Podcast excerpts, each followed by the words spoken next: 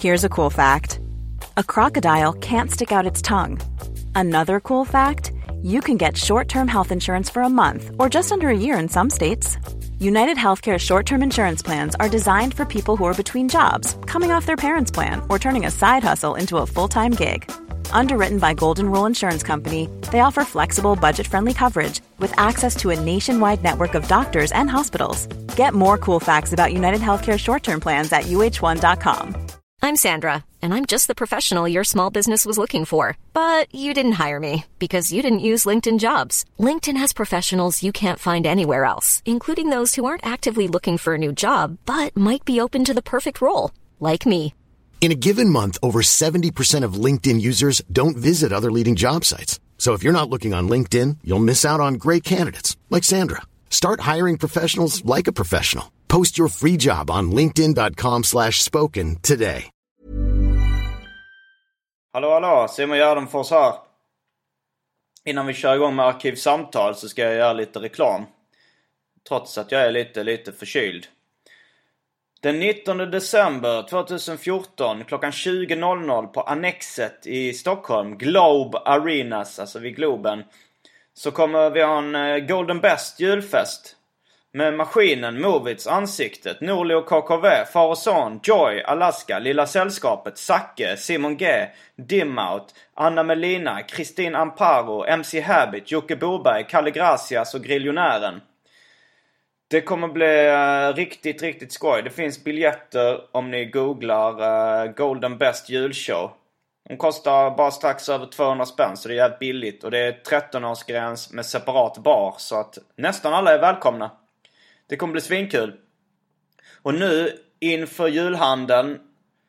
Köp för Hälsefyr en hobby. Min senaste seriebok med en liten plastfigur föreställande mig, Simon G, som seriefigur. Hur häftigt är det? Mycket häftigt. Den hittar ni på bokus.com. Nu kommer Arkivsamtal. Klippt av Einar Svensson. Med mig Simon Gärdenfors och Mr Cool.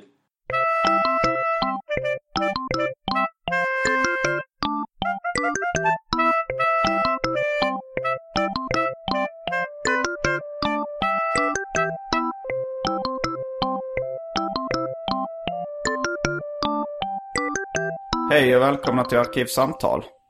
Mitt namn är Simon Gärdenfors och mitt emot mig sitter Mr Cool. Hej! Anton Magnusson. Ja, Välkommen hit. tack. Eh, du har just sovit på min asaklitt. Låter så jävla... Låter äckligt ja. Ja. Men det är en asaklitt, det är en uh, luftmadrass. Mm. Eh, du är uppe i Stockholm på besök. Ja. Jag har just sovit middag i min säng. Mm. Eh, I din skåpsäng. min skåpsäng ja. Det, um, varför är du här i Stockholm idag? Eh, jag har uppträtt uh, stand-up. Så ehm, på Nisse Hallbergs superweekend på Mafia Comedy Club. Mm. Och det ska du även göra ikväll. Ja. Det är därför det heter superweekend. Ja. Eh, vi, vi var där igår. Det var roligt. Mm. Det gick eh, ganska bra. Ja. Eh, lite stökig publik kanske. Ja, fyllebordet. Eh, men, och sen drack vi öl. Jag vet inte riktigt varför jag drack så jävla mycket öl igår. Jag tror du var på glatt humör. Du Mm. tyckte det var kul. Du var, du var glad. Mm, ja. men Ja. så var det nog. Eh, så man kan dricka både av glädje och av sorg. Ja. ja. Eh, Jag är nog mer en glädjedrickare än en sorgedrickare tror jag. Mm. Det jag, när jag mår riktigt dåligt så vågar inte jag riktigt dricka för mycket eller ta droger eller något sånt där. För att jag är ganska rädd för baksmällan. Ja. Att då skulle jag bli så här självmordsbenägen nästan ifall Ja. jag... Ifall jag liksom... Och jag har ändå den självbevarelsedriften kvar. Ja, jag har ju en tendens att dricka bort mina sorger lite. Mm. Eh, Men eh, vi, vi pratade lite om det igår. Att du dr- drack bort dina sorger. Ja, men... eh, Det kan, jag kan vara så full att jag inte minns det när du hade det förtroliga samtalet. Så du Ja. får ta det igen om du vill. Nej, det var bara att vi, vi pratade just om eh, nu- alltså, i, princip samma sak som vi pratar om nu. Mm. Och eh, så berättade jag det att, eh, att jag dricker lite för mycket när jag är nedstämd. Eh, Att, jag, att jag så att säga fyller eh, det här tomma svarta hålet i själen med alkohol. Eh, Och att jag, vi pratar om det här att jag aldrig, för jag har aldrig liksom varit rädd för att bli alkoholist. Nej. Så berättade jag det att många så kompisar som man har som kanske har eh, föräldrar som är beroende personer så att säga. Att de är kanske alkoholister eller eh, de är ofta rätt så försiktiga med att om de märker att de dricker för mycket tänker Ja. nej nu måste jag ta det lugnt. Men i och med att ingen i min släkt eh, har problem med alkoholen eh, så har jag liksom, eh, vuxit upp med liksom tron att alkohol är bara eh, trevligt Ja. och att, det, att jag har ingen risk utan liksom alkoholister det är ju sådana som sitter på parkbänkar liksom. Och så länge man inte är där så, så har man inget problem med alkoholen. Så du är första generationens alkoholist. Ja, första generationens alkoholist. Ja, Ja. Nej, men jag skulle inte se mig som alkoholist, men däremot att jag har eh, alkoholproblem i perioder. Perioder. ja. Jo, men det är jag ju. Eh, Det är både säsongare och perioder. Ja. Jag vet inte om man, om man kan vara säsongare eh, på något annat sätt än att man åker till skid, några skidort och hänger där under en säsong. Men det, det är ju komiskt tycker jag att säsongare oftare är perioder också.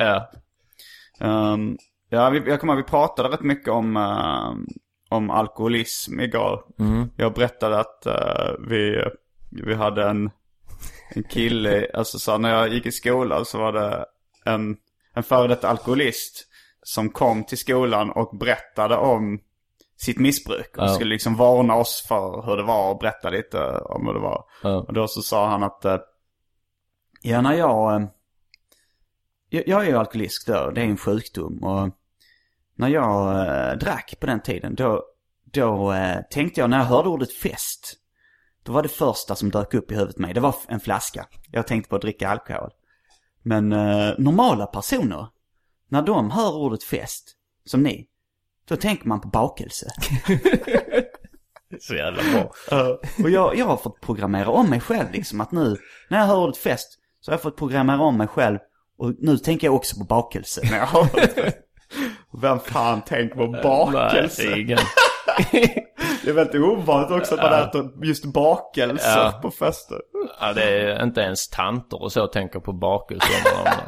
Nej, alltså jag, kan, jag tänker delvis på alkohol, men man tänker mer på kanske få upp en bild av en miljö där det är trångt med folk, där folk minglar och det kanske är lite musik och så. Ja, precis. Och man tänker, man tänker kalas när man var liten.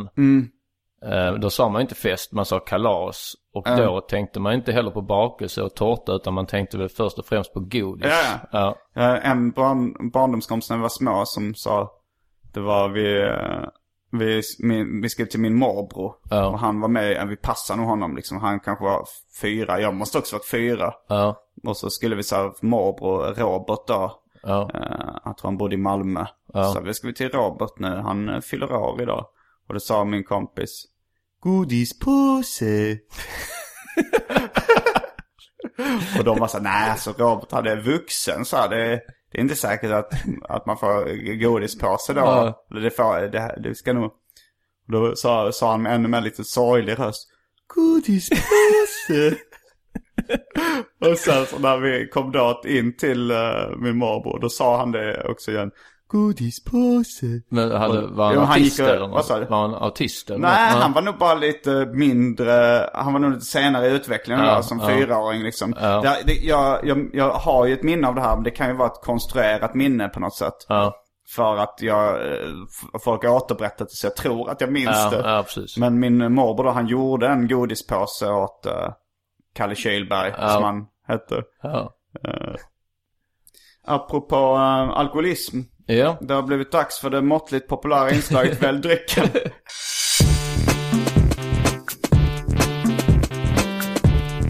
Jag tror vi börjar med det fasta inslaget Välj drycken! Men här kommer det, dryckerna från det måttligt populära inslaget Välj drycken. Ja. Eh, Pepsi Max, Visby Pils, en eh, öl. Landsortslager. En av dina favoritöl.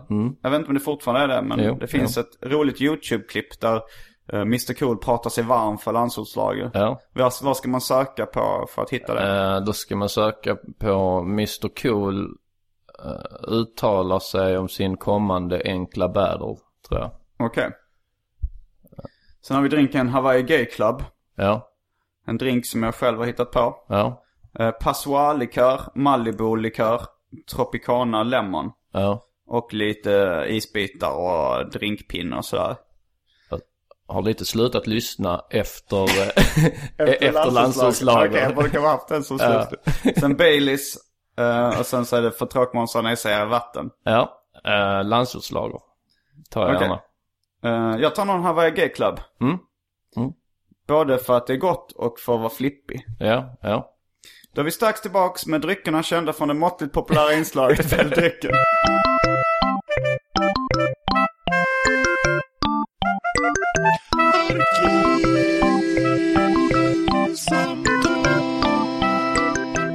Citronjuicen var slut så nu när min Hawaii Club blev lite sorglig. Det blev bara två likörer i en.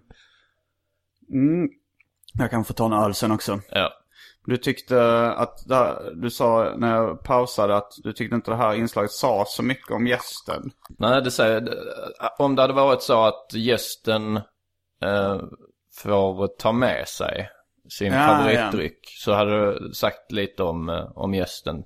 Det kanske är en, eh, ett konceptutveckling jag ska ju börja med. Ja. drycken, att jag ska be gästen ta med dryck innan. Ja, det är ju Säger lite mer.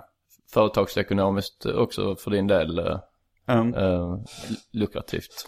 Jo, men en anledning också att jag kör det, är ju min, min hjärna som är lite OCD-aktig. Att jag Ja. vill att det ska vara likadant hela tiden. Ja, Att eh, jag, nej men att jag, jag, jag har sådana rutiner som jag gör exakt likadana. Att jag inte känner, jag kan inte riktigt slappna av om jag till exempel inte skriver min humordagbok både i en bok och på min dator. Ja. Som är helt meningslöst Ja. men som jag fastnat i en sån konstig rutin. Ja. Liksom.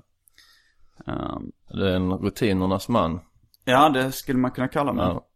Det är ändå lite, just vi, vi var ju i New York du och jag. Mm. Och eh, vi är väldigt olika på det att du är väldigt rutinfast och jag har inga rutiner överhuvudtaget mer eller mindre. Att jag, Du får ju rutin eftersom du har ett fast jobb. Men Ja. du har inte, inga påtvingade från din egen hjärna. Nej precis, jag försöker undvika rutiner så mycket som möjligt. Eller att jag, av mig själv gör jag det. Sen försöker jag ibland emellan, i perioder eh, sk- skapa rutiner. Mm. Men eh, jag har väldigt svårt att hålla dem ju. Men det gick ändå bra. Hela resan gick Ja. ju väldigt bra. Man kan tänka att det borde ju vara lite en, men det blev nästan som dödligt vapen eller eh, den typen av eh, filmer. Body movie. Ja, precis. Där man är två olika personer ändå lyckas. Eh, Mm. Man, eh, ja, Som Theodore Rex. ja, Vet du vilken film det är? ja, Det är en, en, en här en police body movie. Där uh, Whoopi Goldberg får en ny uh, partner. Som är en dinosaurie. Är det en ny film med Nej, det Whoopi är en Goldberg? 80-talsfilm. Jaha. Eh, vi har bara sett trailern på YouTube. Ja, Jag är lite sugen på att se hela men jag vet Ja. ju att den kommer nog vara lite tråkig. Ja. Men det är ju så här eh, rätt flippiga scener där Theodore Rex, där den dinosaurien dansar på disco så här, det skulle... Ja, de tog ju det rätt långt där, att när det blev populärt, de här, den buddy movie-genren med ta- Tango and Cash och, och eh, även Snuten i Hollywood skulle man kunna säga också är lite åt det hållet. eh. Eh, Vem är det hans partner där? Den är väldigt anonym i så fall. Man... Snuten i Hollywood? Ja, Han har ju de här, två, de, här, de här två Hollywood-poliserna. Ja. Eh, som, eh, vad heter de? Jag har glömt vad de heter. Men de två Hollywood-poliserna som är så här by the book snubbar. Och sen, men sakta men säkert börjar, börjar de eh, så här, loosen up. Den. Och, eh, och gilla honom och sådär. Så det är, li, det är lite buddy movie. De blir ju kompisar i slutet. Förlåt att jag spoilar snuten i Hollywood. Jag har sett den. Ja, Eh, ja men det finns ju också den här... Uh, Canine tror jag den heter. Där han har en hund som partner. det var det jag skulle komma till. Att de börjar med hundar Mm. och, och eh, olika djur och sen... Och Testa sen hur långt de kunde dra. Ja, så tog de en dinosaurie. Så men det det är väl lite där som superhjältefilmer är på väg nu.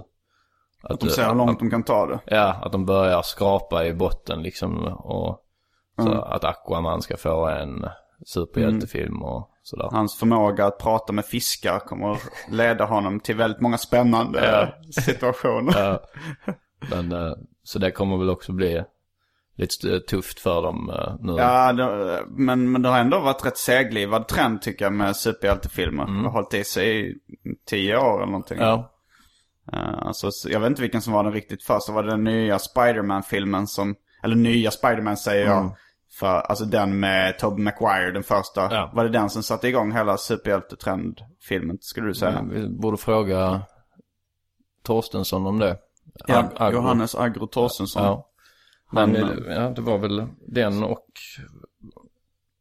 Ja. Vem tror du kan mest om film av dig och Agro? Eh, Jag tror att, att jag har bredare kunskap men han kan, men när det, vi kommer in på de här lite nörderierna kring så kan han nog mer. Eh, Men eh, jag tror om vi skulle snacka tillbaka till framtiden så skulle det nog vara hugget som stucket.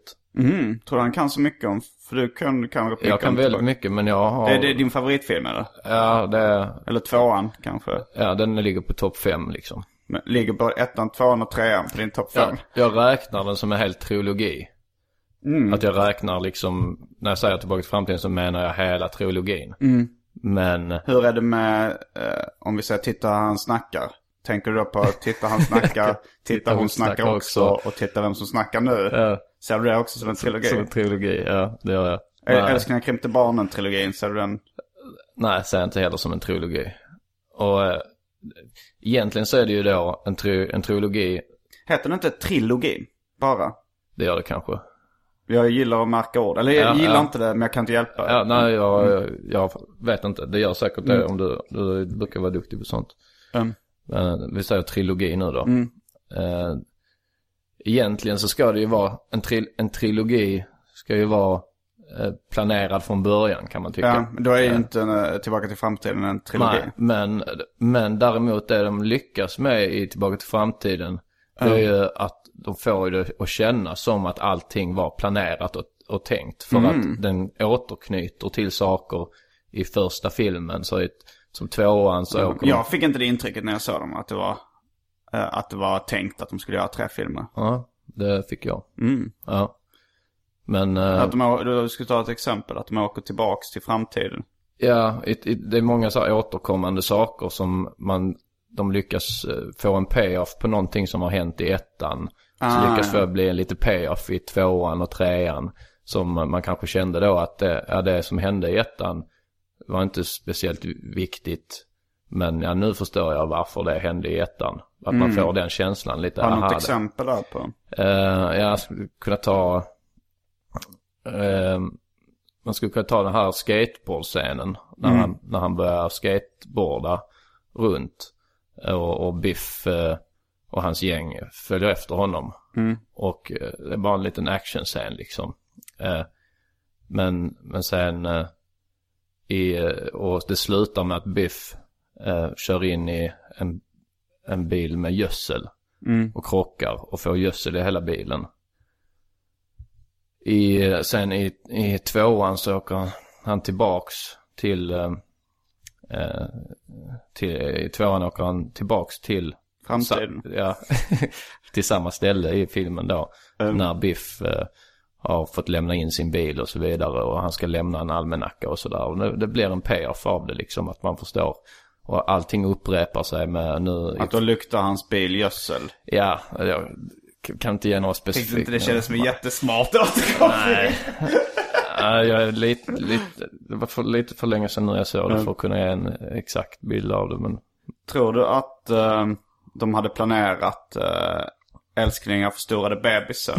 Redan de gjorde älsklingar krympte barn. ja. Det var. Älsklingar krympte oss själva. Det känns ju givet. Ja. Eh, Nej, men, men både tvåan och trean där är väl rätt dåliga. på älsklingar krympte barnen. Ja. Jag, faktiskt, jag tror bara jag sett uh, ettan och trean.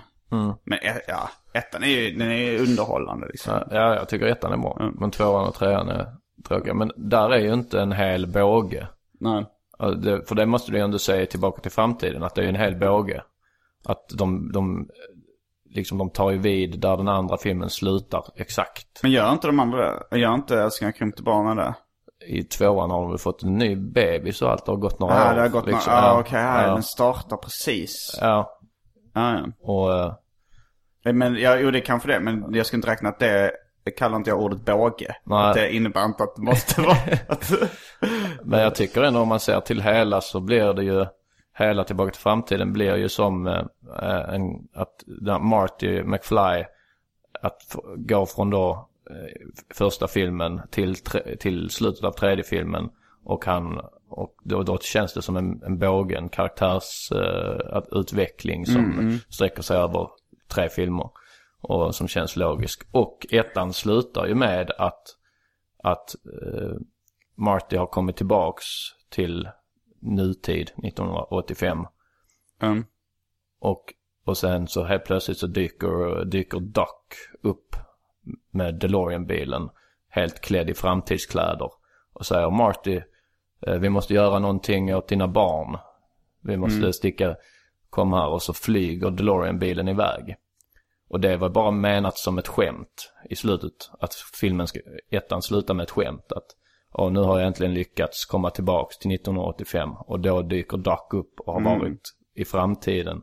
Och nu, nu ska vi inte rädda dina föräldrar utan nu ska vi rädda dina barn. ah, okej. Men, men, det tar, men det är precis där sen som tvåan tar vid. Att eh, de åker till framtiden.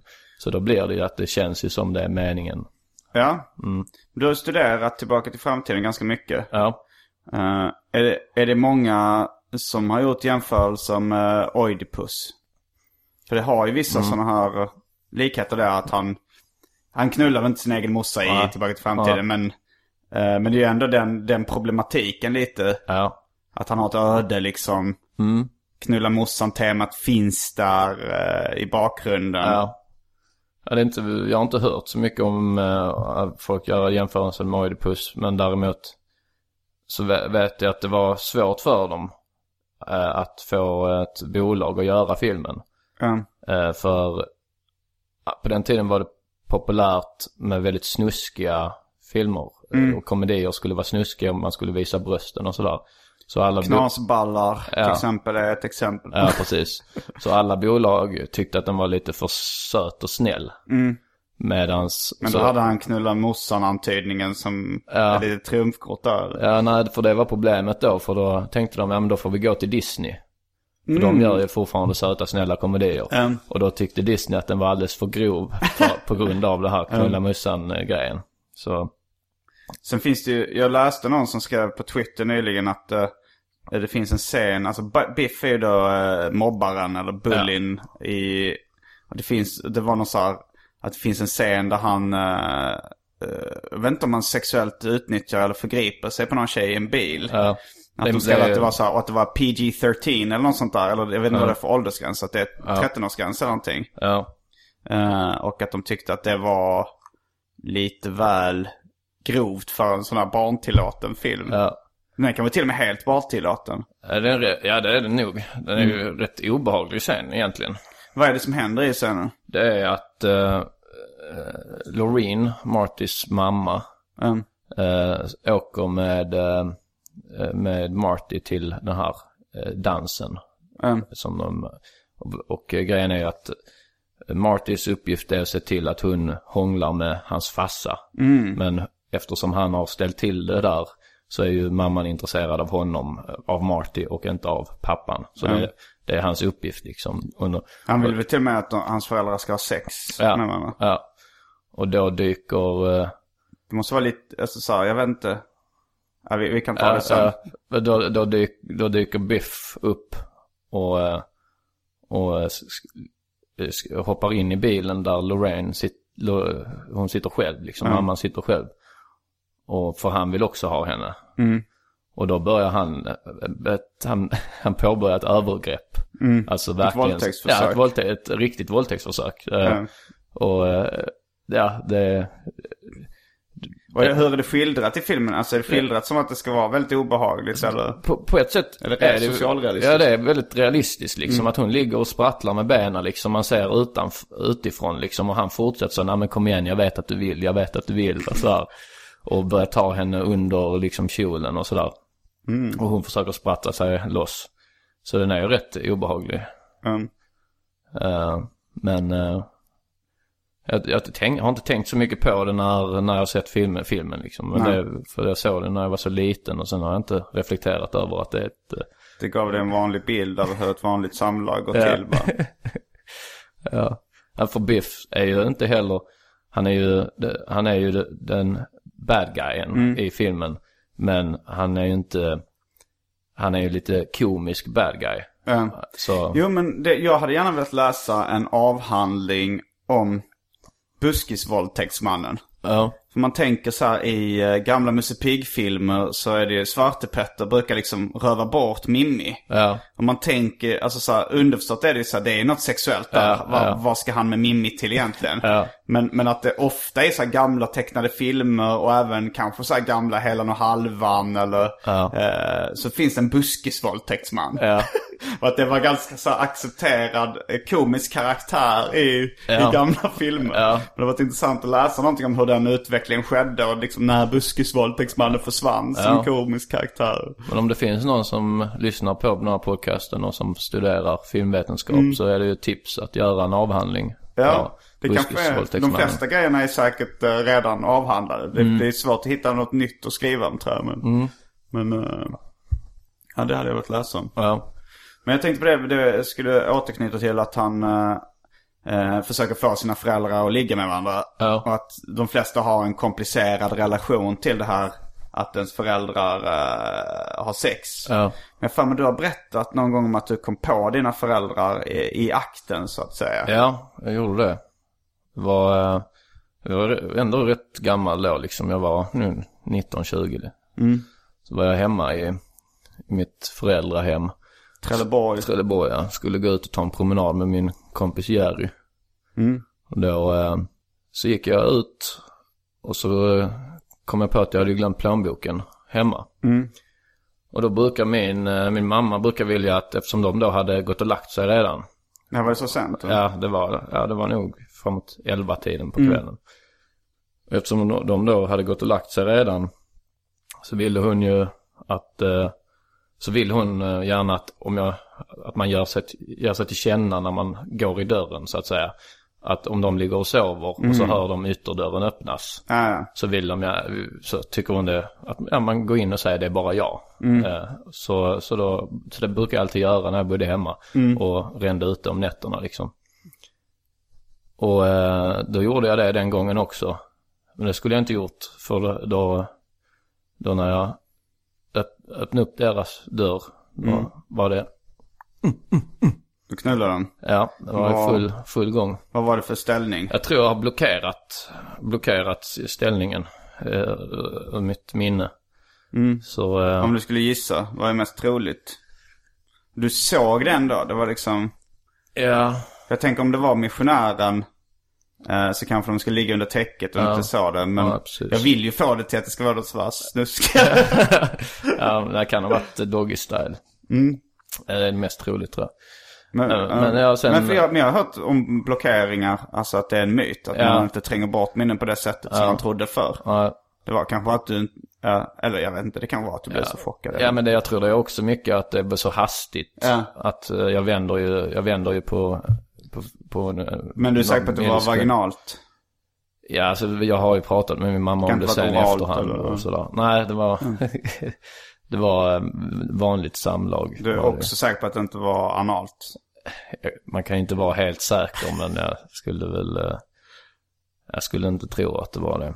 Nej. Eh, Men Verkade båda vara med på det. Ja, ja, alltså jag vet att så här, min syster lyssnar ibland på, eh, på så här podcast och sånt som jag är med i. Och jag vet att hon gillar inte att höra om, eh, om våra föräldrar när de, att de ligger med varandra. Ska vi lägga in en, en, eh, en alert i början åt henne. Så här, om du lyssnar på den här podcasten och tycker det är obehagligt att höra om när dina föräldrar ligger med varandra. Så lyssna inte. Ja, det kan man göra i början. Ja, precis. Då, då får, blir hon ändå varnad. Ja, då blir hon varnad. Nej, för att eh, för när jag tog, jag tog upp det nu för någon jul sen. Då alltså eh, nästan tio år efter. Mm. Så tog jag upp det med, jag satt och tog en öl med min eh, mamma och min syster.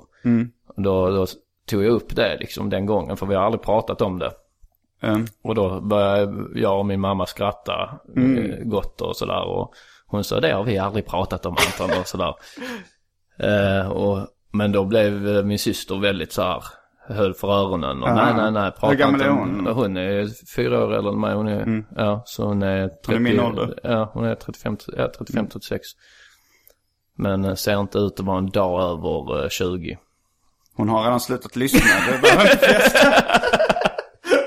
Ja, nej men jag... ehm, ja, nej. för- Jag så- har för mig att du berättade att du hade pratat lite med din pappa om Mm, det. det var så att då när det hände så jag vä- vände ju direkt och så sprang ut. Jag hämtade inte ens min plånbok som jag skulle. Och Jerry tittade på mig. Vad, vad är det med dig? För han, såg ju att jag var helt blek. Och eh, så sa jag nej ingenting. Så ja, men hittade du plånboken? Nej du får bjuda, du får bjuda. Och så, så gick vi iväg och, och så då ringde min pappa. Eh, bara fem minuter efter liksom. Och eh, då sa han Hej. Ja, hallå. Min, pa- min pappa är rätt sträng av sig i vanliga fall. Men här, här alltså strängen på ett bra, bra pedagogiskt sätt. Eh, ja men det, när man folk säger sträng så tror folk att det är liksom... eh, Han är bestämd kan Ja, man säga. ja, precis. Bestämd och auktoritär. Men då, då var, där var, hörde jag liksom en, en skörhet och en osäkerhet i rösten som jag sällan hör hos min pappa. Så jag hej. Och jag sa hej. Var det du, var det du som var hemma? Sa det du? Så jag, ja det var det. Ja okej. Ja. Du är inte sur? så sa jag, nej det är lugnt. Ja, okej, ja, bra, hej. Så, så då, då tror jag det har varit ett snack där mellan min musse och min farsa så här. Åh herregud, åh herregud, åh, ja, nej, nej, du får ringa honom, du får ringa honom, du får ringa honom nu. jag sa, nej, det här är inte bra. Alltså, så då har de haft ett snack där och, och då har eh, lotten fallit på att, att eh, pappa skulle ringa mig då. Men eh, det tog, alltså det var bara en, en chock. Chocken tog ju liksom, och sen när det la sig så var det bara en glädje och en lättnad jag kände över att, alltså för det, man hör ju mycket så här folk, eh, folk vars föräldrar liksom sover i olika sovrum och, och inte har liksom ett speciellt bra eh, för, förhållande, inte så mycket närhet och så. Eh, och då blev jag lite mer stolt över att eh, mina föräldrar, fast de har varit tillsammans med, ja, med nästan hela livet sedan de var 15 år gamla. Så, eh, så har de fortfarande eh, sex och de eh, har, ja, sover nära varandra och sådär och ligger och kramas och sånt. Tycker det är nice. Ja, det, det är en väldigt fin inställning. Ehm, det här grejen att din mamma uh, ville att du skulle ge det till känna när du kom hem. Ja. Tror du det finns en liten chans att hon var planerat, att hon ville. Hon gick igång på det här. Som en krydda. Ja men som att ha sex utomhus, man kan bli påkommen. Och att hon liksom skruvar upp den, den kryddan lite så jag kan bli påkommen av min egen familj. Ja, det känns som en väldigt så här eh, långsiktig plan att eh, Plantera ja, plantera det. Eh, Jag vet, jag, jag vet ju, låter, jag inser hur, Ja, hur eh, orealistiskt det är. Men Ja. det, det är en rolig tanke att det skulle vara. ja, ja det, det är inte, det är inte helt procent? omöjligt. Jag tror Ja. 40. Ja, Jag skulle säga fyra, fyra procent. Ja, då är det Så, ja, ja, då är det. Men det är klart, alltså det vet man ju aldrig. Folk, man kan aldrig veta vad folk, eh, folk är sjuka i huvudet. Alltså, Mm. Även de mest normala människor har konstiga saker för sig. Um, Så det just framförallt när det gäller sex och vad, man, vad som triggar igång en och sånt. Det kan man aldrig riktigt veta med folk. men, Jag, jag har nog aldrig, jag har aldrig sett mina föräldrar ha sex. Ja. Eh, jag har hört, jag hade både vägg i vägg, alltså sov vägg i vägg med dem. Så jag, någon natt hörde jag eh, lite ljud. Ja. Och jag hittade typ glidmedel eller någonting i deras skrivbordslåda. Det var någonting som jag blev lite äcklad av. Ja, ja. Eh, men jag, jag, när jag var liten så, så frågade jag ifall jag fick titta på. Just det! Det var, min mamma berättade om eh, eh, hur ett barn blev till och så att jag skulle Ja. få en lilla syster. Ja. Jag var väl fem kanske, fyra, Ja. fem då. Ja. Och då så, så berättade de eh, förmodligen det här med liksom föra in penis i slidan och hela den biten. Och så ja, han, kan, kan, man, kan jag titta på någon gång? och då sa jag minns det väldigt tydligt, alltså obekväma ansiktsuttryck. Ja. Att de tittade på varandra och sa så, nej, det, det vill vi inte att du ska jag bara, varför inte det? Och då så frå, min mamma frågade så, ja Peter, varför egentligen? alltså jag tror verkligen inte att hon, att hon tänkte att okej, eh, vi kanske ska fundera över det här. Utan var mer så här, det finns inga riktigt bra argument Nej. egentligen. Så det var nog mer så här, eh, de, de förklarade så här, ja men vissa saker vill man göra för sig själva. Ja, och det är ja. så här, det behöver inte... Men det var också, de, Men jag tror att det, det är nog olagligt mer eller mindre. Att om, om barnet frågar får jag kolla på så. och, och man säger Ja, så här, att jag tror inte du får så här ha sex framför dina barn. För, Även om de själva har frågat. Nej, det brukar inte vara så Nej, jävla det- lagligt även om de Nej. själv frågar i andra sammanhang. nej precis. Nej jag tror, jag tror nog det. Ja, jag tror, nog inte det. är- Nej, men undrar vilken åtalspunkt det skulle vara. Förargelseväckande beteende. ja. ja. Eller i varje fall socialen skulle ju Nej, de skulle titta snett Ja, det kanske inte är ett lagbrott. eh, Men däremot så skulle nog, om det skulle liksom uppdagas så skulle nog socialen bli inblandad. Och, Ja. Och då är det för jävligt. Men det var någon gång jag som jag insåg senare i livet att mina föräldrar hade sex. Det var när jag typ knackade på deras dörr. Ja, Och så jag fick jag inget svar. Så kände jag på dörren och så var det låst. ja, Och så så sa så, öppna. Vad, vad, vad är ni där inne? och då så efter ett tag så kom min mamma ut. I typ morgonrock eller vad det var. Kimono tror hon använde på den Ja. tiden. Eh, och sa, vad, vad, vad gör ni där inne? Då sa hon, vi skriver brev. det var det snabbaste hon kunde komma på som någonting privat. Som man sa, okej då kanske man vill vara för sig själv. De sitter och skriver ett brev tillsammans. Eventuellt så kan det ha varit så att de skrev brev. Ja, nej, det nej. Jag hade en kompis där, nu lämnar jag sextemat lite, men på tal om så här konstiga undanflykter eller att man hittar på saker. En kompis eh, som var min bästa kompis. Eh, den, han dyslexi som jag bör, började rappa med. Men när vi var små, vi var bäst, bästa kompisar så när vi var små. Och, eh, men sen en, en dag så umgicks vi, här går vi kanske då i femte klass.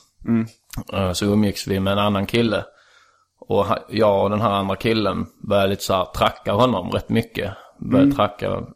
Och han blev riktigt arg på det. Så han eh, sa upp bekantskapen med mig helt och hållet på grund av det. Och det fattade ju inte jag. Eh, För, för var det, så ringde jag honom som vanligt så dagen efter sa ja ska vi, ska vi vara som han sa. Ska vi leka? Och då sa han nej, nej, nej vad gör du? Vad gör du då? Nej, jag ska borsta tänderna. och så t- tänkte jag inte mer på det. Liksom, tänkte jag, han är lite konstig liksom. Och Sen gick jag hem till honom en, någon dag senare, liksom en vecka senare. Så här, ska vi, tjena, ska vi leka? Då bara tittade han på mig och sa, nej, jag ska flyga flygplan. Och sen stängde han Hur dörren. gamla var ni sa du? Vi gick i femman. Um, Så sa han, nej, jag ska flyga flygplan. Och sen stängde han dörren. Och sen pratade vi inte på typ tre år. Eller något sånt. Nej. Men det, jag, jag, det gör lite ont i mig när jag tänker på sådana saker. För jag menar, jag, jag skyller lite på att jag inte hade någon, alltså så här, den, den empatiska förmågan en människa har tar ju lite tid att utveckla. Ja. Och jag tycker det känns jobbigt att tänka på när jag har varit taskig mot andra. Ja. Även när jag varit liten. Ja. Och jag känner igen den historien. För det, men det var också liksom lite senare i högstadiet, gymnasiet. När, eh, när man liksom känns som att jag borde be- vetat bättre. Ja. Men då var det en, eh, vi var liksom ett gäng kompisar. Och eh, och det var en kille i gänget som uppenbarligen hade lägst status. Ja. Och som då blev lite hackkyckling liksom. Eh, vi umgicks ändå med honom som en kompis. Men, men liksom i efterhand så har jag förstått att, att eh, vi och jag, inklusive jag, betedde oss väldigt dåligt liksom. Att det var, finns, fanns, det var egentligen bara eh, för att eh, må lite bättre själv och, och så, visa upp att man hade högre status. Man Ja. kunde liksom eh, tracka någon och det var, det var ju väldigt dumt gjort. Ja. Det ångrar jag idag, förlåt. Men det var det också så när jag, när jag ringde honom någon gång, han flyttade sen till, till Göteborg. Och så skulle jag, eh, och då tror jag att han hade nog insett i efterhand hur dåligt vi hade behandlat honom. Ja. Men, en- men han, under den perioden så accepterade han bara det innan han flyttade. Ja. Eh, Men jag ringde honom då för då skulle jag till Bokmässan i Göteborg. För första gången, då var jag nog 17 kanske. Och då så ringde jag och frågade så ah, men jag funderar på att uh, kanske åka dit en dag innan och sa då kanske jag kan eh, bo hos dig. Ja. Och jag sa nej. Så, nej varför inte det? Och så han bara, det är fucked up. Va? Det är fucked up. Sa, men vadå kan jag inte bara, vad ska du, ska du eh, resa bort eller något? Eller vadå, varför, varför kan jag inte få det? Det är fucked up. Och sen till slut bara gav vi upp och sa okej, Ja. hej då. Ja. Men sen i efterhand förstår jag ju det att det var, ja nej jag varit taskig mot honom en längre tid. Det är klart inte att han inte vill. Nej, och, eh, mm. och då när han inte är beroende av uh, umgängeskretsen Ja, så var längre så, så har han kanske tänkt över Ja. lite hur, hur uh, dumma ni var mot honom. Ja. Men jag har, jag har liknande his- historia också med, eh, med kompisar som gick i klassen i högstadiet med.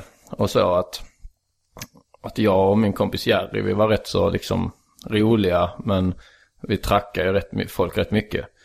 Jerry hade någon form av fingertoppskänsla. Så, som gjorde att ingen blev sur på honom i efterhand och så. Mm. För han, han lyckades hålla sig på rätt sida gränsen hela tiden. Men jag gick nog över rätt många gånger. Och det vet jag då för att jag har en kompis som jag har för, förstått att han, att han gillar mig inte alls längre. Man, Eh, och vi har ingen kontakt idag heller och sådär. Och när vi träffades någon gång så här i 18, 19, 20 års åldern så förstod jag att han, för då hade vi liksom inte träffats på länge och han gick, han levde sitt liv och jag levde mitt liv så han var inte beroende av, av mig längre på något sätt. Och då märkte jag på honom att han var helt ointresserad av att ha någon kontakt överhuvudtaget med mig och tyckte att jag var dum i huvudet. Eh, en annan kompis som sen berättade för mig då, det, som jag också hade trackat. Men vi är fortfarande kompisar idag, men han berättade för mig att alltså det, du var jävligt jobbig. Du, Jag tyckte jätteilla om dig och ibland så var det liksom jobbigt att gå till skolan för man visste att du skulle kunna jävlas med en. Och det, då förstod jag, för jag förstod aldrig det då, för då tänkte jag ju att vi är ett gäng här, kompisar och vi, Ja, alltså det var, det är väl en kombination. För det, det är liksom en av de sakerna som jag har haft svårast att erkänna för mig själv är att jag har deltagit i någon form av mobbing liksom. Ja. För det är så här, för jag förstår ju verkligen hur illa det är. Ja. Och eh, någonting. Men, eh, men det känns ändå på något sätt bra att erkänna sånt för sig själv. Ja, det Men jag- göra. det är frågan också vad det, det beror på liksom. Om det är bara brist på empati eller om att vara, man bara vara för jävlig liksom. ja, Eh, ja, det, det kanske är det som är att vara för jävlig, att ha en brist på empati. Men jag, har- jag känner att jag har blivit lite bättre med åren. Eh, men, men jag vet inte. Det är också så här. Det får inte, det får inte stå i vägen för humor. Allt. Alltså så här, jag gillar ju att skämta om eh, pedofili och rasism och sånt som gör folk ledsna. Som kanske liksom, folk som är lite känsliga och tar illa upp. Och då så bryr jag mig inte så mycket. Ja. Då, får de, då tänker jag, då får de, de förtjänar det om de inte kan ta det. Ja. Och det är ju kanske samma inställning som jag hade på mellanstadiet. Ja. Liksom. Så, ja, jag, så, nu ska jag vara rolig här. Då får de, lite, lite Boy Named Sue ehm, inställning. Att man så här, att man tänker också att om de inte är hårda nog och klarar av detta så då Boy måste, Sue, det handlar, det, det är Johnny Cash Ja, det var inte han som skrev den från början. Ja. Men, det, är alltså en, en kille som, en vuxen man som heter Sue. Alltså ett flicknamn. Mm. Och undrar varför han heter det. Så visar det sig att hans pappa som har gett honom namnet som eh, inte var där för honom. Liksom som försvann, som stack när han var liten. Mm. Ja. Och sen mot slutet av låten så ser han en man i en bar som har liknande drag och är uppenbarligen hans pappa. Och då börjar de slåss och han, vad fan kallade mig Sue för? Och så, eh, båda, han har blivit en hårding då. Så sa farsan att ja, jag visste att, eh, att du skulle få problem eftersom jag stack. Jag kunde inte ta hand om dig. Och då vi- visste jag att du var tvungen att bli hård. Och då gav jag dig namnet Sue så att du skulle, så att du skulle liksom behöva stå upp för dig själv och slåss. Ja, Och då, jag tror det slutar med någon form av acceptans. Att ja de liksom, precis. Det är en jävligt bra låt. ja, det är väldigt bra, te- texttema. Men samtidigt, jag tänkte nog aldrig så att jag gjorde det för någon annans skull. Nej. Liksom, var taskig mot folk. Men, men jag tänkte på, i en av dina låttexter så säger du min brist på empati har tagit mig ända hit. Ja. Känner du att du har en brist på empati? Ja, jag har tänkt jävligt mycket på det eh, senaste tiden med Mm. empati. För jag har alltid, alltid trott att jag, att jag helt normal när det gäller det. Mm. Och att, att eh, när folk säger att de så här bryr sig om svältande barn eller om, om eh, offer i någon olycka och så vidare. Mm. Att jag har alltid tänkt att de fejkar liksom. Mm. De, där det är sådana, det är liksom krokodiltårar. De bara låtsas för att verka, verka fina. Mm. Men eh, på senare tid då så har jag börjat tänka att folk kanske på riktigt eh, bryr sig och blir ledsna på riktigt av, av det. Och att det är snarare jag som har väldigt lite empati. Och att, eh, att det är jag är onormal där och att det normala är att man har empati till, över till folk som man inte känner. Eh, Men jag kan inte bry mig om någon som jag inte känner liksom. Men du är väldigt empatisk med folk du känner. Speciellt Ja. alltså nära vänner. Då är du nästan mer... Eh, då är du nästan så här snällare mot dem du känner nära än vad folk är i allmänhet. Ja. Men sen så är det, alla har väl sin gräns liksom. eh, eh, ifall man tänker om en tid tillbaks. Om jag hör om någon som blivit så här, eh, mördad igår i mitt kvarter. Om det är så här, något riktigt smutsigt så här, något barn som blivit styckat och våldtaget. Då tycker jag så här, blir jag lite äcklad av det. Men om jag hör att det hände för en miljon, eller så här, om det hände för 200 år sedan. Ja. Då känner jag ingenting. Nej. Och det är så tror jag att normala människor fungerar också. Att det, det är ju så här tid och eh, geografisk distans och kulturell distans och sånt som gör det. Men, men jag håller med. Jag är inte så här, Jag har också känt samma sak där som du. Att, eh, att jag kanske har inte samma sorts empati som folk har. För jag kommer ihåg när det var Estonia-katastrofen. Så var det så här att jag kommer ihåg, jag, jag slog på radion på, mor- på morgonen. Och så berättade de om Estonia-katastrofen. Eh, och det var så här, jag hörde, ja, ty, jag tyckte att de gjorde lite stor grej av det. Det var en båtolycka, okej det var så. Så stängde jag av radion, tänkte inte mer på det. Gick till skolan och där var det liksom så här begravningsstämning liksom. Att alla var så här uppspärrade ögon och så här. Jag tyckte, jag fattar inte varför det var så stor grej. Det var inga jag kände, det var liksom, det var så här, och jag, och jag dömde ut folk så här. Eh, jag kommer ihåg det var, jag ringde en, eh, en kompis kusin. När jag bodde med, med Kalle Törn i Malmö så ringde hans kusin Filip Törn. Ja. Som var lite par yngre, han kanske var i 20, 20 då eller 18 eller sånt. Ja. Och så var han, så frågade jag läget så sa han så att han var, då hade prinsessan Diana dö, dött. Ja. Och han sa, ja, men jag lite, eh, blev lite illa till mods av det. Och då när jag lagt på så var det så här, är han dum i huvudet? Vilken jävla tönt. Ja. Tycker det, det upprörde att prinsessan Diana hade.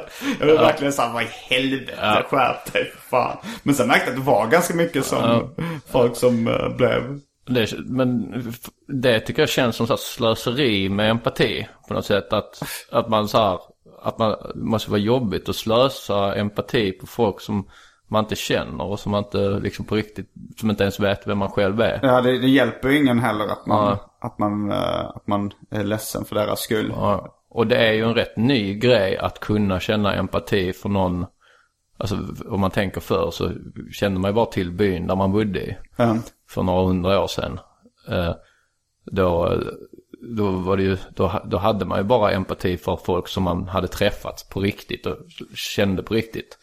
Och, Men samtidigt, om man, då berättar man ju sagor också. Alltså, så här, och när du kollar på film så gissar jag att du kan leva dig in i eh, huvudrollernas känslor. Och, och liksom, det är ju en form av empati också. Det Ja. kunde man nog förmodligen förr också. ja. Men det blir att man lär känna eh, Ja, karaktären, karaktären. ja. Liksom, ja. Men det är klart. Och, Då är det följ- kanske att någon tycker att de har lärt känna Lady Di.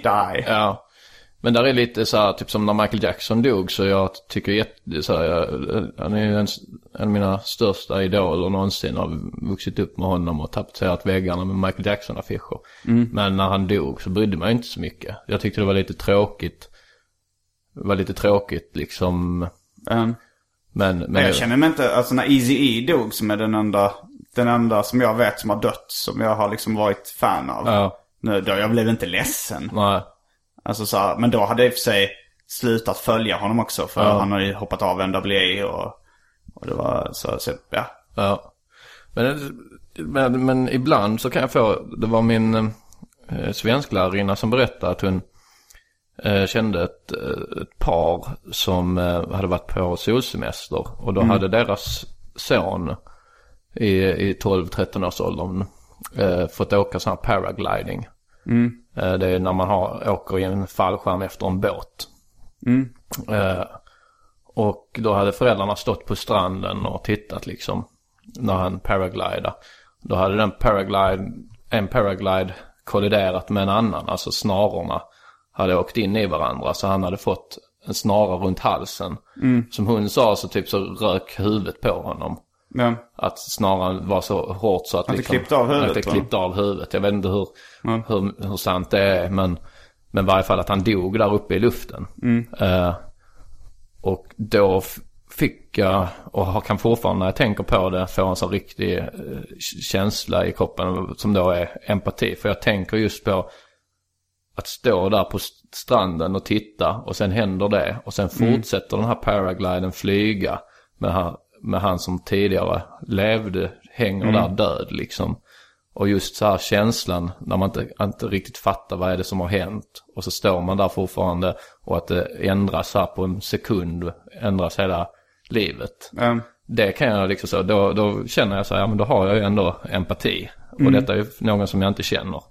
För där kunde jag leva mig in i situationen på något sätt. um, ja, jag har, jag har sådana, alltså ibland känner jag att jag kan vara överdrivet leva mig in i andras sorg. Jag kommer ihåg att jag kollade på Skurt när jag gick i högstadiet eller något sånt där. Jag kanske var i en känslig period då, men då var det så här. Vad, vad heter hon som sköter Skurt? Ingemaj. Ingemaj. Eh, jag hade inte kabel-tv hemma men jag var hemma hos min kompis Fredde Sjö. Ja. Och så var det så att, eh, att Ingemaj, hon berättade om att hon, det handlade om besvikelser. Ja. Och jag tror att besvikelser berör mig rätt så mycket på något sätt. Det var Ingemaj, hon berättade en grej som inte var så rörande. Men det var liksom att det var så här, eh, hon hade bjudit på en fest och sen blev hon sjuk och så var hon tvungen att ställa in, och jag åter, lämna återbud. Ja. Och sen så skulle Skurt berätta om en be- besvikelse. Och det var ju så här, han berättade om att han, de hade, det var jättesvårt att få tag på hockeybiljetter. Och så hade de väntat jättelänge och sen så, och sen så har han fått uh, hockeybiljetter. Då blev han sjuk och fick inte gå på hockey. Och det, kände, det mådde jag så här väldigt dåligt över. Och det var ju en fiktiv karaktär, men jag vet inte varför. Och jag har också läst någon, eh, någon, någon bok där det var någon som skulle liksom aha, äntligen skulle få gå på cirkus med sin mamma och det var så han hade sett fram emot det så mycket och så skulle de åka en båt över och sen missade de båten och sen försökte hon trösta honom genom att köpa en glass efteråt men den glassen smakade inte gott på grund av besvikelsen. jag mår fortfarande, jag jag, jag, nu lever jag in och känner mig väldigt sorgsen inombords när Ja. jag tänker på det. Och också en grej som var så här med... eh, när jag, jag... De flesta barnen liksom konfirmerar sig eller gör något sånt där. Och, ehm, och jag kommer ju från en familj med blandade religioner. Alltså min mamma är judinna, min pappa är vanlig svensk, eh, alltså inte troende kristen. Och, så, och så var det så här, de diskuterade lite vad... eh, min mamma ville inte att vi skulle konfirmera oss och, och då kändes det, jag vill inte heller liksom göra bar mitzvah eller något sånt där. Ja. Men då så kom, så, så när min, Bast mitzva, men okej. det är för tjejer. Det kanske du visste. Men, eh, men då så var det som min brorsa. Uh, de, då gjorde de ändå sån här, liksom, mina föräldrar gjorde någon sån här liksom ritual. Uh, de snackade så här, men då kan vi göra så här att pojkarna i familjen, de får så här vandra i bergen med, med sin pappa. eh, Under en sån här resa. Och sen så skulle, så var det var idén, det var ganska könsrollsnormativt. Ja. Och så skulle min syrra få typ åka till New York och shoppa med morsan eller sådär. Jag tyckte det lät roligare i och för sig. Ja. Att åka och shoppa. Så vi snackade om att vi skulle göra det någon gång, men det blev aldrig av. Ja. Men min pappa var så här, han gjorde det med sin brorsa och jag såg sådana här bilder liksom där de uppe i bergen och, Ja. och tältade och badade nakna i vaka. jag vet, inte vad det- jag vet inte vad en vaka är. Nej. Men sådär. Och, och, och det, så här, det blev det, säkert, de, det var säkert en fin resa för dem. Ja. Men när min farsa frågade mig då så här, "Eh, s- ska vi göra en sån nu liksom där?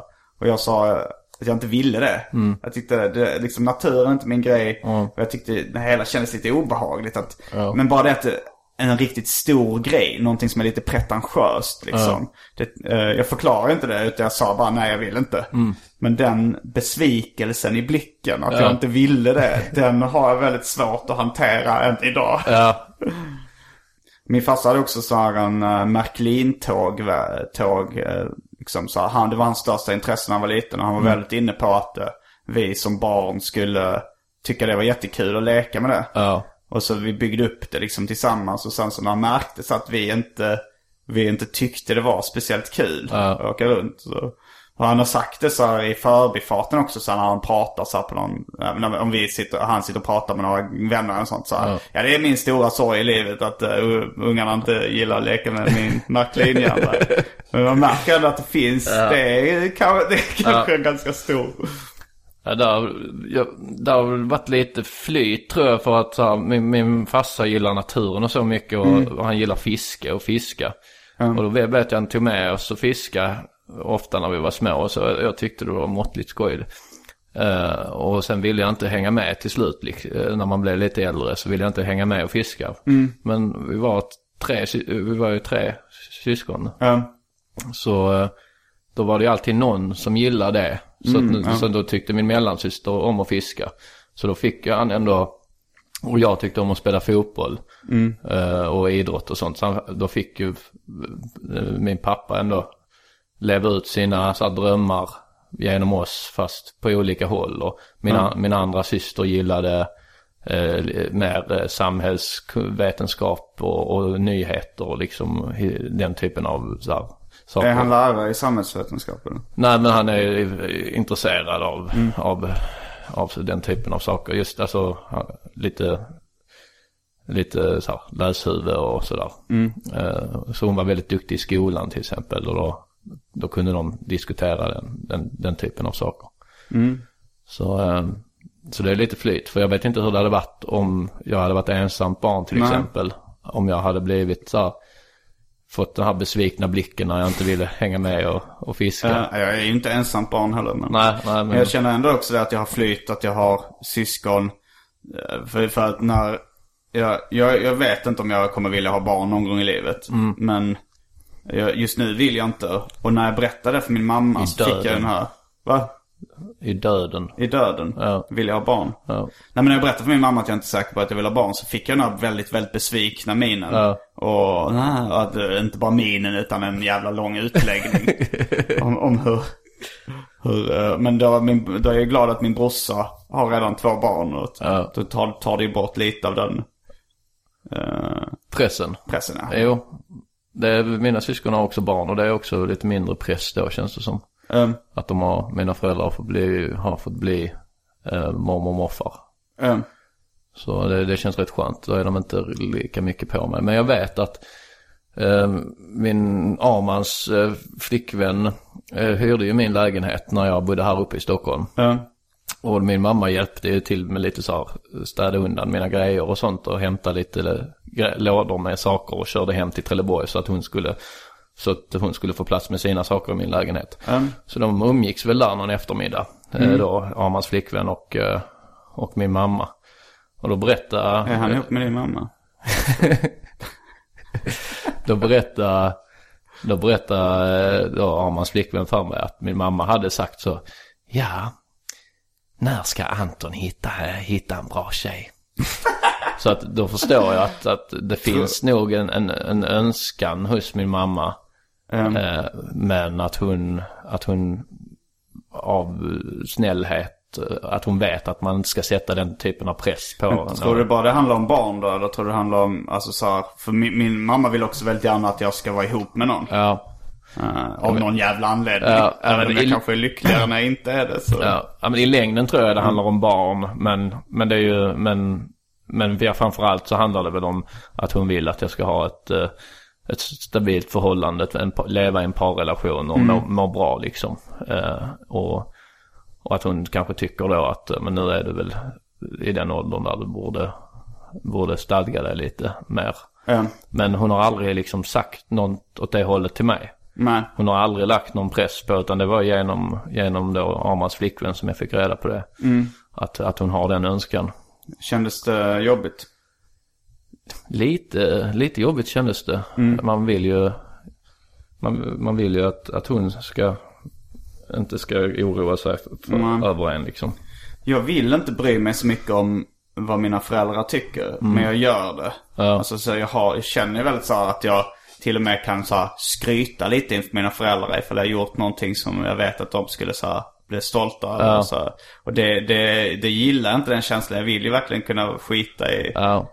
vad de Jag har ju tycker. det väldigt mycket med min, med min pappa. Just att eh, lite så faderskomplex. Att jag vill, eh, jag vill att han ska känna en stolthet. Eh, men eh, eh, jag har gått lite bättre på senare tid. Men jag hade så här mellan, mellan eh, f- 16 och, och 20, 27, 28 så var det. Då var det inte mycket stolthet där tror jag. Han var inte så stolt över det. Tror inte det. Men han Jag- blev lite stolt över specialisterna. Ja, det var ju sånt han kunde fatta då liksom att ja, det sändes på P3, det kunde man, då kunde, kunde han känna en stolthet där. Och sen mycket att han har ju också väldigt stor respekt för min äldsta syster. Eh, för hon är väldigt framgångsrik i det hon håller på med och sådär. Och, eh, och hon tycker ju att det jag gör, så här, både musik och, och humor och så, hon tycker ju det är riktigt eh, fett. Så lite genom hennes reaktion på det jag gör så hänger han med. Mm. Liksom för då, om hon har godkänt det, så då kan han också godkänna det och tycka det är häftigt Ja. liksom. Och sen så på andra, på andra sidan så har vi då min mamma som blir stolt över allting. Vad jag än gör. Det spelar ingen roll. Jag skulle kunna så här rånbögmörda ett barn. Och du har varit stolt över det. Hon har varit, han har alltid varit, Anton har alltid varit sån va, att han, han, han, han, han, han, han, rånar inte bara, utan då kan han också böga samtidigt. och, sen så nöjer han sig inte där va, utan då ska han gärna mörda också va. Det, han är så, för det är ju många som, många som mördar och det är många som bögar och så va, och, och, och rån händer ju också till och från va. Men Anton han, han, han, han, han kan göra allting där på en gång va. så det skulle hon vara stolt över. Ja, eh, vill du berätta om eh, när de skulle spela upp någon av dina låtar inför familjen? ja, jag har ju gjort många låtar eh, med lite så, tvivelaktigt innehåll och eh, lite, lite vulgo som du brukar säga. Eh, förkortning av vulgär om inte det gick fram. Ja. Eh, och då, ja då, ja mina föräldrar har ju vet, vet, känner ju till det liksom. Jag har al- aldrig gömt det för dem. Men eh, jag har aldrig heller direkt spelat upp det för dem. Men de har, mina föräldrar har ball humor och så, de är balla liksom. För stockholmare så betyder ball rolig. Ja, ja precis. Eh, då, så då var vi, var vi hemma där så hade jag gjort en ny låt, Kamouflage. Heter den. Finns på Spotify. Eh, och där sista versen är väldigt vulgär. Ja, jag typ dödar en tjej helt enkelt och klipper av hennes blygdläppar och så vidare. Och den, den ville min mamma höra. För hon sa hon hade hört från min syster att jag hade släppt en ny låt. Så kan du inte spela din nya låt Anton? Spela din, kan du inte spela din nya låt? Så säger jag, men jag, vet- jag vet inte alltså det, det, den är kanske lite för vulgär. Ni kan, kan, ni kan kanske lyssna på den när jag inte inte är här.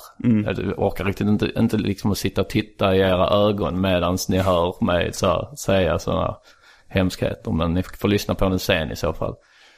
Eh, så säger jag, kan du inte spela någon annan då? Spela någon annan låt då? Någon som du go- som godkänner att vi spelar. Att du, någon som du kan godkänna som vi får lyssna på här med dig.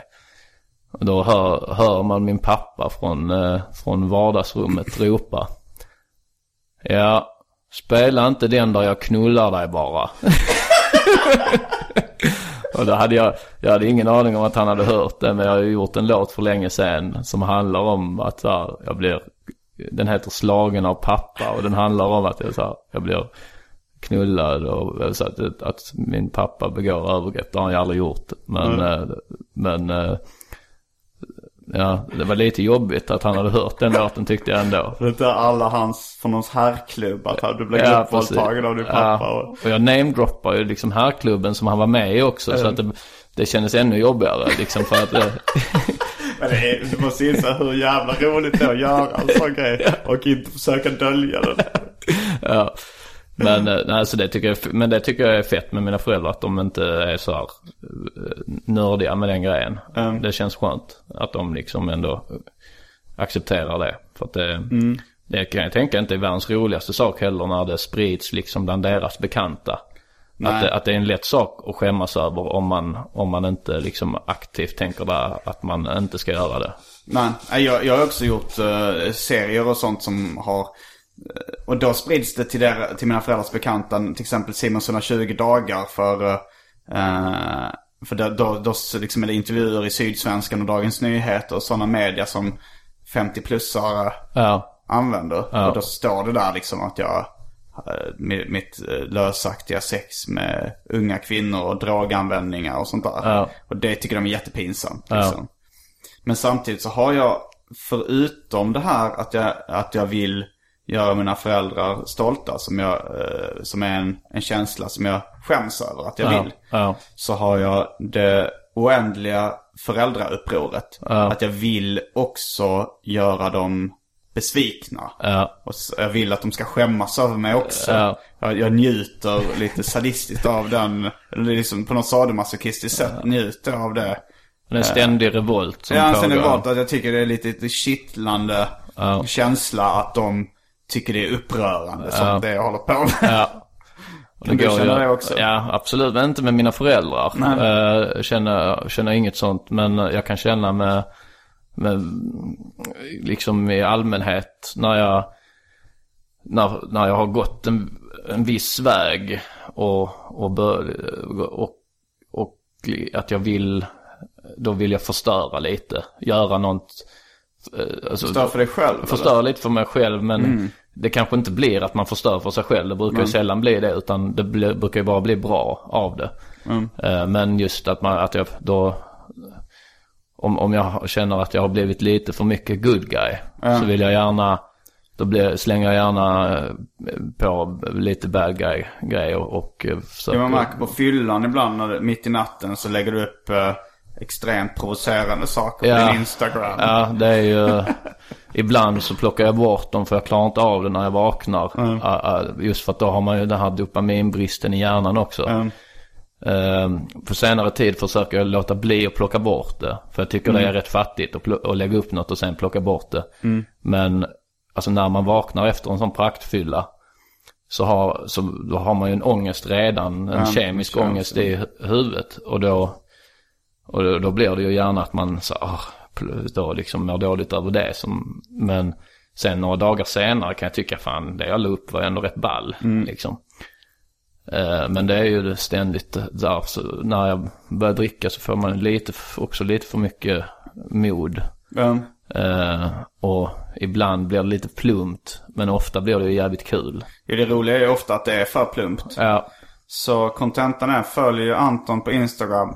Och äh, sitter och häckar framför den äh, runt småtimmarna. ja det är det bästa för... Mr Cool Ris eller vad heter det? Ja, Mr Cool Ris heter Jag det. heter att Gardenfors. Ja. Jag heter Simon Gärdenfors. Jag heter eh, Anton Magnusson. Fullbordat samtal.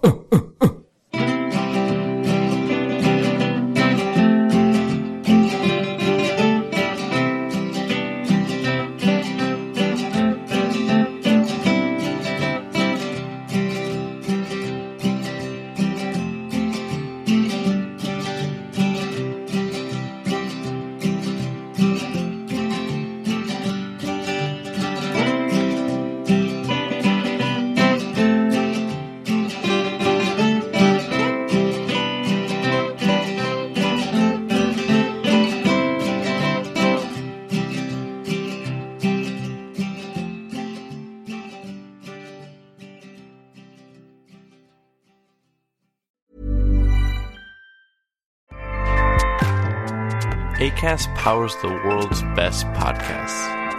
Here's a show that we recommend.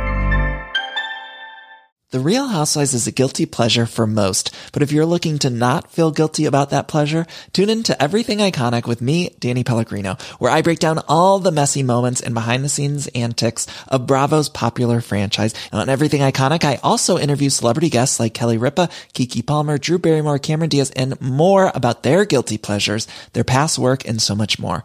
So if you're pop culture obsessed and find yourself watching way too much reality TV like me, tune in to Everything Iconic with Danny Pellegrino wherever you listen to podcasts. ACAST helps creators launch, grow, and monetize their podcasts everywhere. ACAST.com.